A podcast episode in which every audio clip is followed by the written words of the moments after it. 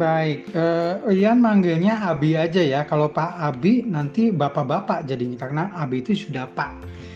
Baik, uh, gimana caranya kita selalu berpikir dan berperasaan positif ya.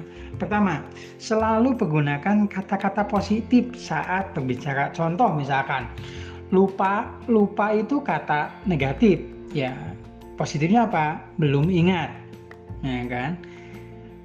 Misalkan lagi eh, kata-kata eh, positif misalkan eh, sial diganti dengan belum beruntung.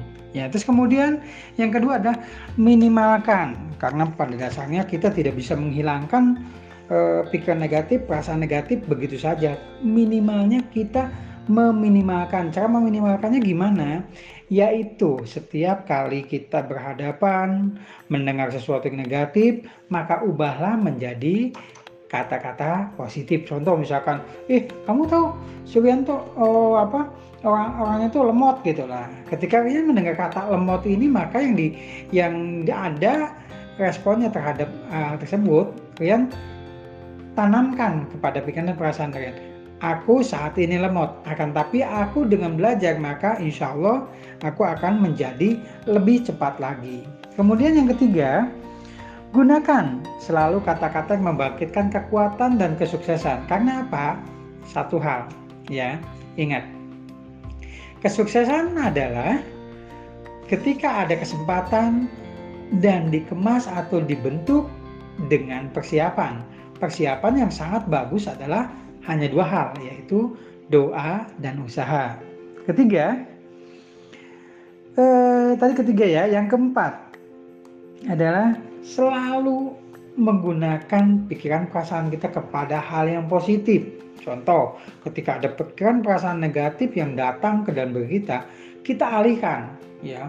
Misalkan, eh, bangun pagi kayaknya sih hari ini aku akan males-malesan deh. Nah, pada saat itu juga kita alihkan pikiran perasaan kita pada yang Bismillahirrahmanirrahim. Dengan ini, dengan kekuatan yang didapatkan dari Allah dengan niat untuk membuat hidup kita lebih positif lagi, maka kita akan lebih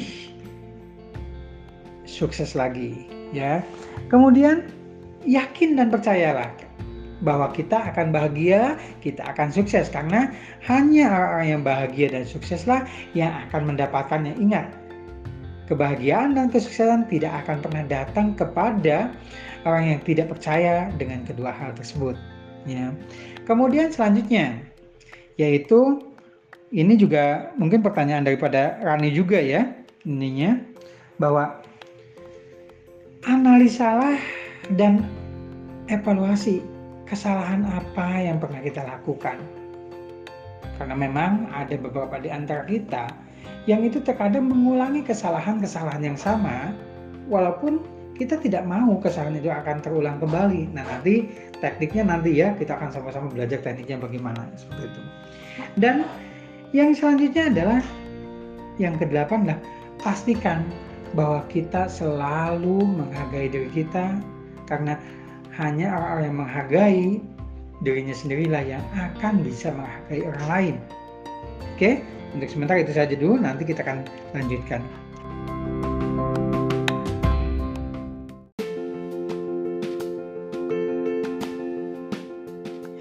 Bagaimana caranya supaya kita tidak terhasut kepada orang yang mematahkan semangat kita? Oke, eh, yang tadi silakan disimak, kemudian Abi tambahkan ya. Oke. Terkadang di antara kita masih saja hidupnya itu dikendalikan oleh pertama terutama ucapan orang lain. Eh, si Nur tuh orangnya kayak gitu ya. Nah, ketika kita merespon itu dengan negatif, sesuatu yang negatif direspon dengan negatif, maka kita akan dikuasai oleh ucapan-ucapan negatif orang lain. Kemudian yang kedua, Terkadang kita ini terpancing oleh penglihatan negatif, pendengaran negatif, perasaan negatif, ya. Penglihatan di sini bisa saja bayangan di dalam pikiran kita, bisa saja imajinasi, kekhawatiran, sesuatu yang selama ini belum terjadi, seperti itu ininya. Nah, bagaimana caranya? Yaitu tetap berpikir dan perasaan positif. Caranya bagaimana? Tadi sudah dibahas di voice note sebelumnya. Silahkan disimak ya.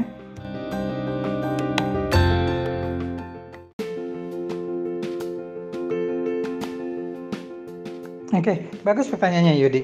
Jadi kalau misalkan ya tiba-tiba kita sedih, nah, tanpa alasan yang jelas kadang-kadang biasanya seperti itu ya, itu biasanya penyebabnya satu itu ada faktor kalau di dalam psikologi disebutnya dengan e, tombol emosi. Mungkin saja ya dulu waktu kecil Yudi pengen ikut sama ayah misalkan ke mana, nah cuman karena waktu itu ayahnya memang e, tidak bisa membawa Yudi misalkan pada saat bersamaan misalkan ada hujan atau misalkan pada saat bersamaan misalkan ada lagu tertentu atau misalkan pada saat bersamaan itu ada ada cuaca atau hal-hal yang lain. Nah, itu bisa menjadi uh, pemacu ya, menjadi pemacu kita uh, tombol emosinya jadi aktif yang tiba-tiba saja kita jadi sedih banget karena memang dalam psikologi tidak ada yang namanya tiba-tiba jadi sedih. Yang ada adalah kondisi di mana yang hampir sama dengan kondisi waktu pertama kali terciptakan uh, suasana tersebut. Nah, jika itu terjadi,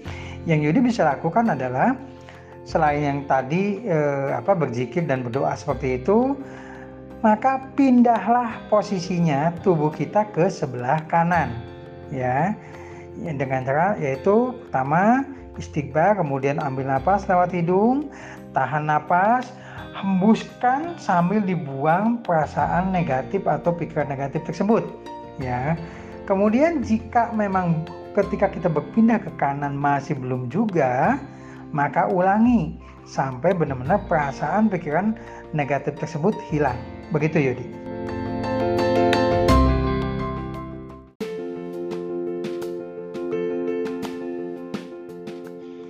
Baik, emosi.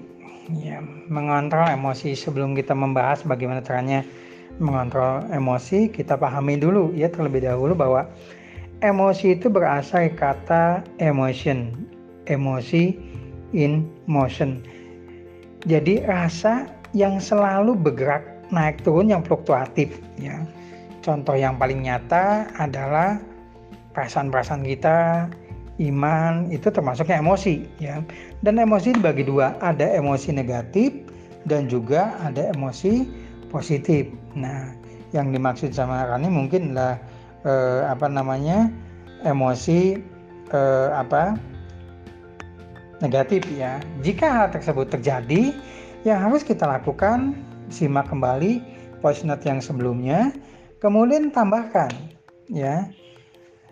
Ambil hikmahnya atau dalam bahasa komunikasi psikologi disebut dengan membingkai ulang ya. Contoh misalkan jika ada emosi negatif misalkan uh, sedih seperti tadi yang dialami oleh Yudi misalnya itu kemudian kita bingkai ulang dalam pemikiran kita dan perasaan kita Alhamdulillah ya Allah hamba masih diberikan rasa sedih ini karena dengan begini hamba akan lebih mengingatmu akan hamba akan lebih meningkatkan ibadah hamba ininya nah kemudian ketika kita terpancing emosi negatif kita seperti marah, ngambek dan seperti itu. Yang pertama, ingat ya, pengucapan istighfar kebanyakan di antara kita ada pelampiasan, bukan memohon ampun, bukan malah membuat pikiran perasaan kita menjadi lebih adem. Ya, contoh misalkan, astagfirullahaladzim, aduh, kesel jadinya. Nah, justru ingat, dalam pola mekanismenya otak manusia yang akan masuk ke dalam pikiran perasaan kita adalah yang selalu yang terakhir. Contoh, misalkan teman-teman pasti pernah uh, chatting atau misalkan menyampaikan sesuatu kepada temannya itu ada tiga poin misalkan dan biasanya yang direspon ada yang terakhir atau poin yang ketiga itu. Jadi kalau misalkan kita mau kesel kalau mereka mau sedih, akui saja kesalnya, akui saja sedihnya. Setelah itu tutup dengan istighfar. Karena ingat, istighfarnya mengucapkannya penuh dengan hikmat, penuh dengan khusyuk. Contoh misalkan, Astagfirullahaladzim, Ya Allah ya Rob, Kuatkan hamba, sehatkan hamba, sabarkan hamba, tenangkan hamba. Itu kan semua hal-hal positif semua. Ya kan?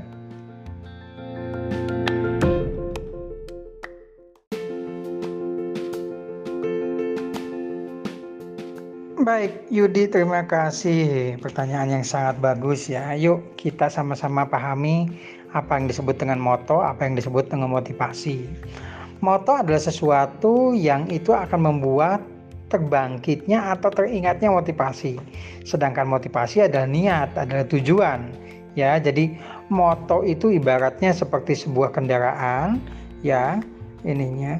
Motivasi itu itu ibaratnya seperti sebuah tujuan kita kita mau ke mana gitu nah oke okay.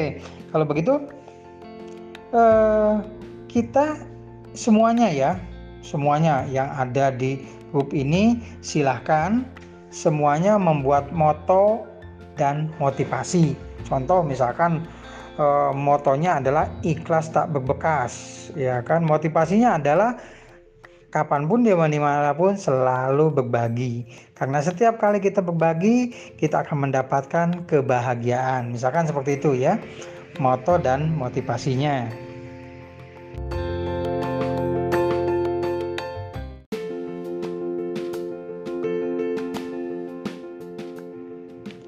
mengapa kita selalu gampang tersinggungan mungkin maksudnya kok kita sensitif ya kok kita cepat banget tersinggung ingat ya buat teman-teman semuanya tidak ada satupun di dunia ini yang bisa menyakiti perasaan kita kecuali kita izinkan.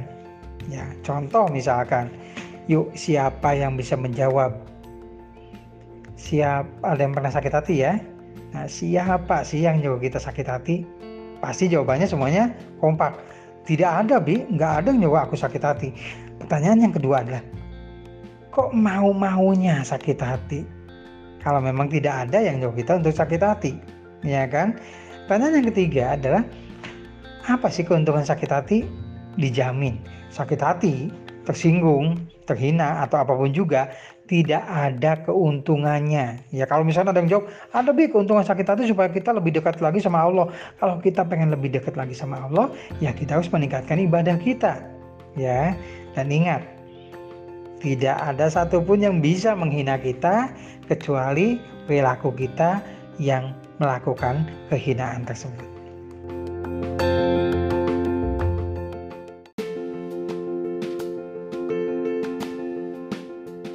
Oke, bagus. Ini pertanyaannya, apakah bullying itu uh, akan berdampak berdampak kepada psikis kita?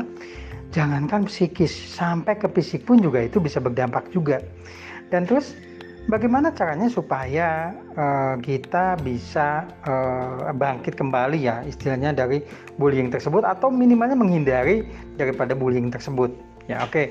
Kita bahas sekilas apa sih yang dimaksud dengan bullying bullying itu kalau bahasa Indonesia disebutnya perundungan ya atau uh, sesuatu yang sifatnya penghinaan. Abi, Abi ini cadel. Abi ini nggak bisa nyebut R. Dulu waktu kecil sangat banyak, sangat banyak yang menghina Abi, yang membullying Abi. Waktu itu memang Abi uh, merasa terhina, merasa rendah diri, merasa ah aku kayaknya benar sih apa yang dikatakan orang lain kalau orang cadel tuh nggak akan sukses. Orang lain tuh apa uh, orang cadel tuh nggak bakal bisa diterima. Orang cadel tuh terutama nggak bisa berkomunikasi dengan dengan apa dengan bagus dengan lancar dengan efektif dengan efisien. Dan alhamdulillah saat ini kalau teman-teman tahu ya ada dua motivator Indonesia yang itu alhamdulillah kalau sekali panggil bayarannya lumayan ya. Dan dua-duanya cadel yaitu Abi dengan seorang senior Abi namanya Pak Krista Murti ya. Nah, jadi apa pun bullying mereka, apa pun penghinaan mereka, apa pun uh, perundungan mereka yang berikan kepada kita, ingat satu hal yang selalu jadi moto hidup Abi adalah ketika Allah mengurangi sesuatu dari diri kita, Allah pasti melebihkan sesuatu ke dalam diri kita. Abi saat ini dari awal dari dulu dari kecil sampai saat ini memang tidak bisa mengucapkan huruf R dengan dengan benar seperti orang lain. Akan tapi justru alhamdulillah komunikasi bahasa asing AB pun juga itu terbantu terutama bahasa Inggris ya. Nah bullying memang betul ya beberapa kali beberapa kali Abi seorang sebagai seorang psikoterapis nanti psikoterapis itu apa nanti kita akan bahas ya. Kita akan bahas secara tuntas eh, menangani kasus-kasus yang diakibatkan oleh bullying. Jadi teman-teman mohon ya cukuplah ya cukup kita sebagai korbannya saja bukan sebagai pelakunya ya.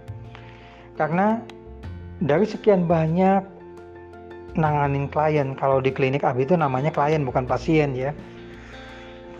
Jadi memang sampai ada satu korban bullying itu sampai ke fisik karena memang kebanyakan ternyata keluhan fisik kita diakibatkan oleh awalnya oleh pikiran dan perasaan kita ya karena kita selalu dibullying dan kitanya nerima bullying tersebut karena sebetulnya bullying itu tidak akan bisa terjadi kalau kita tidak menerima secara pikiran dan perasaan kita ya. Jadi gimana cara menghindarinya? Bagaimana caranya setelah kita bullying hal tersebut tidak berbekas kepada pikiran dan perasaan kita? Pertama adalah apa pun yang mereka katakan apa pun yang mereka lakukan cukup hanya pada saat itu saja pada saat kejadiannya saja. Setelah itu kita rilis. Ya cara merilisnya gimana? Bisa misalkan kita ambil wudhu bisa. Ya. Atau misalkan semuanya kita keluarkan dalam bentukan coretan-coretan ya ambil ambil alat tulis coret-coret seperti itu sambil kita keluarkan pikiran perasaan negatif kita. Ya. Atau yang ketiga lagi kita buang air kencing atau BAB niatkan sambil mengeluarkan kotoran dari tubuh kita juga kita juga mengeluarkan pikiran dan perasaan negatif kita. Ya. Jadi secara berbarengan seperti itu ini. Oke, itu nanti kita akan sama-sama belajar tekniknya bagaimana sih tahapan-tahapan tekniknya.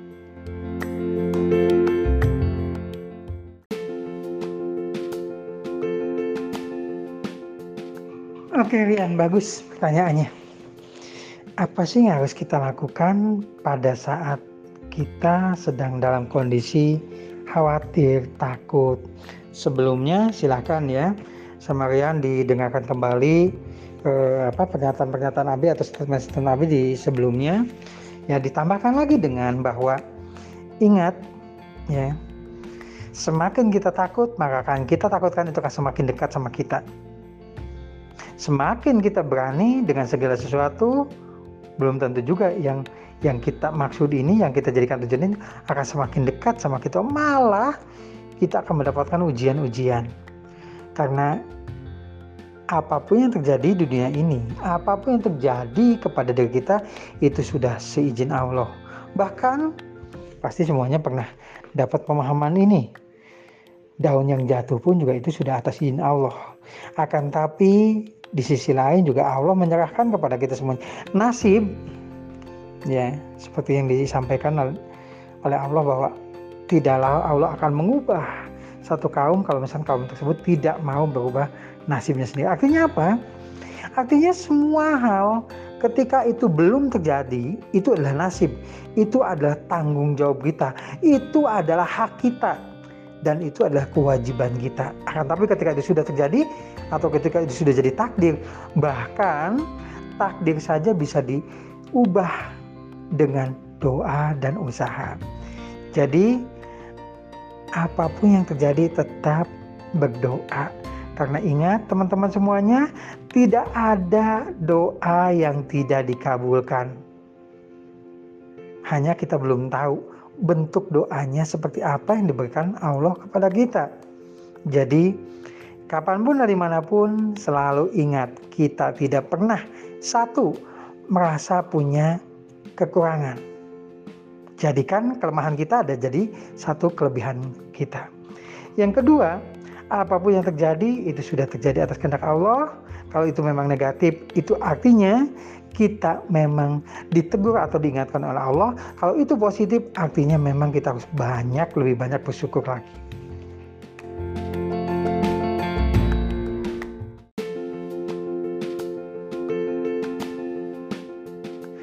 Bagaimana caranya kita harus menenangkan hati? Yang pertama, yang paling penting lagi adalah tentunya perbanyak istighfar. Terus yang kedua, yang paling harus kita sering lakukan adalah simak kembali ya poin note Abi sebelumnya, eh, pernyataan-pernyataan statement Abi sebelumnya. Yang kedua adalah bahwa pada intinya hati, perasaan, pikiran kita lah yang melakukannya, kita lah yang menguasainya, karena tidak ada satupun yang bisa menyakiti hati kita kalau kita tidak izinkan. Ya, tekniknya silahkan simak di voice note abis sebelumnya. Itu ada beberapa teknik yang simpel, akan tapi juga nanti kita akan bahas lagi kembali tentang teknik-teknik yang lain. Karena alhamdulillah teman-teman semuanya, Abi dikenal sebagai pengembang senam hati. Jadi nanti kita akan sama-sama senamkan hati kita bagaimana sih supaya hati kita ini lebih tenang lagi, lebih damai lagi, lebih nyaman lagi dan lebih bahagia lagi.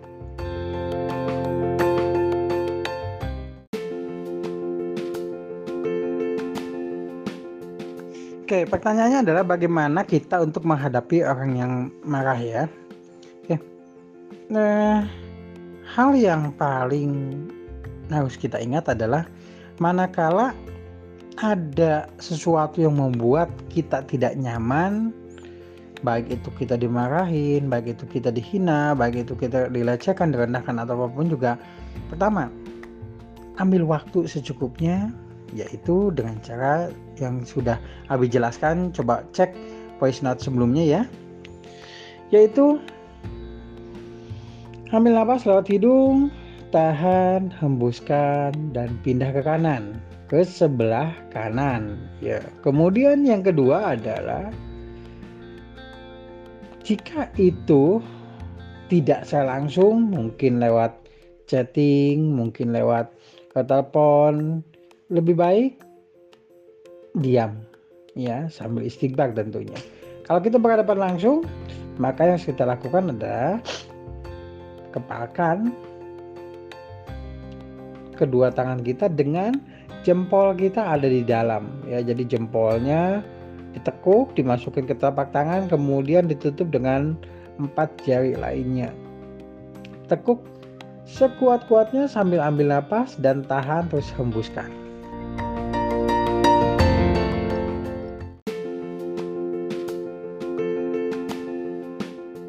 bagaimana kita keluar dari zona nyaman yang sebetulnya tidak nyaman ya? Dalam hal ini masalah pribadi ya.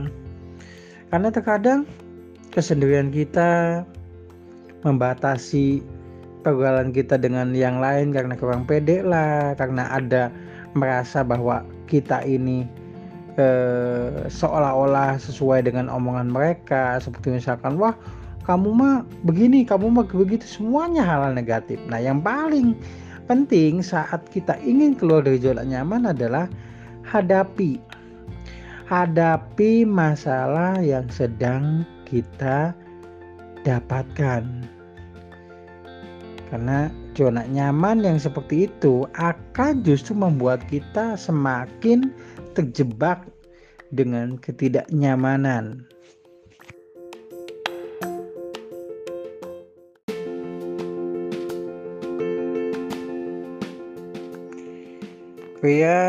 Bagaimana kita menyikapi cibiran orang? Apakah kita harus diam saja? Bukan diam justru malah. Saat kita direndahkan, saat kita dicibirkan, saat kita dibully, saat kita dihina, saat apa juga bergerak. Kita bangkit.